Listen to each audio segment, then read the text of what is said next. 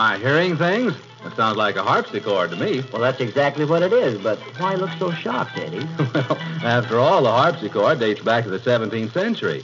Isn't that rather an old fashioned instrument to hear with a modern band? Well, not when it's played by a very modern young lady, Sylvia Marlowe. Sylvia Marlowe. Mm-hmm. Hasn't she given concert tours all over the country? That's right, and Sylvia's the only concert harpsichordist who can switch from Mozart to boogie woogie without even taking a breath. that sounds like quite an accomplishment. I'd like to hear that. Well, Eddie, your wish is granted because here she is, Sylvia Marlowe, playing her own variations of the well known Mozart variation on a folk theme, and from that, right into boogie woogie. Okay, Sylvia.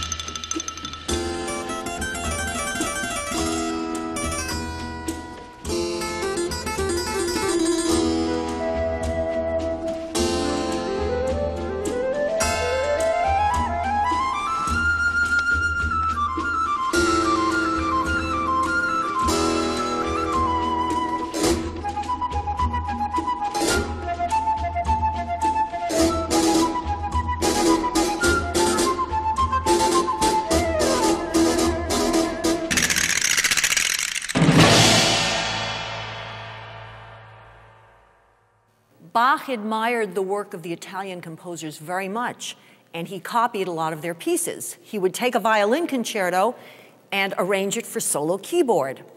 And there's a volume of, of pieces which you can get uh, that he's done that are like this. But then I suppose he got the idea to compose his own concerto in the Italian style, in which he's mimicking a violin soloist with orchestra. Because believe it or not, in those days, there were no keyboard concerti, only violin concerti. In fact, Bach was one of the first ones to write a keyboard. He was the only, he was the first one. He wrote the Brandenburg concertos and he wrote many concertos for harpsichord that could also be played on the violin, but he was primarily a keyboard player. I think he was very interested in the instrument. So, in this concerto in the Italian style, he uh, tries to simulate the tutti or the whole orchestra playing and the soloist. And he does this by indicating where to play loud and where to play soft. He does it in a very detailed manner. Essentially, when he writes the F, meaning forte, that means I have to play on the lower keyboard, which is going to be a louder sound, and then the piano areas are going to be on the upper keyboard. And he's very specific about this, more specific than anyone before him and even some after him. This whole piece is quite unique from that point of view. He tells us exactly where he wants us to put our hands.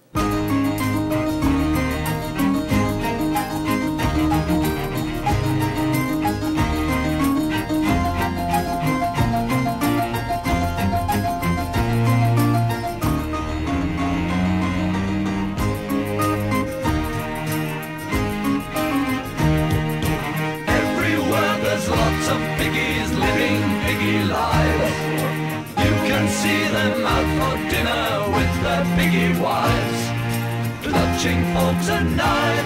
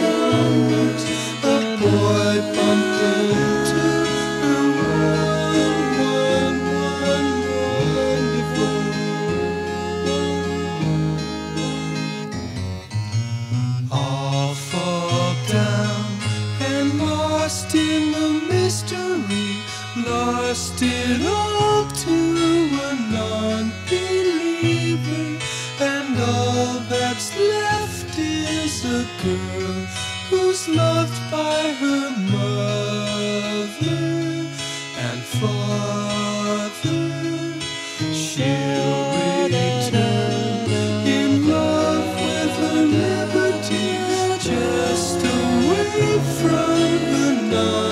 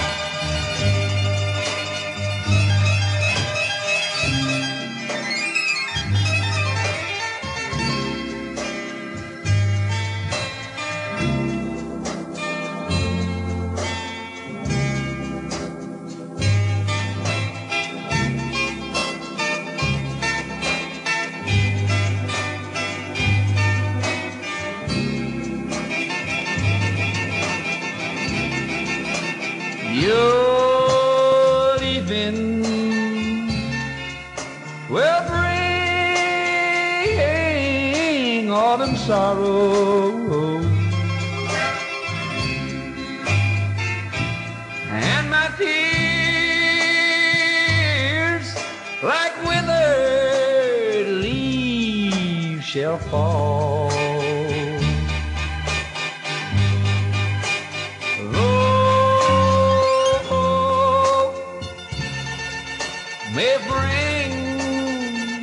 Some glad tomorrow.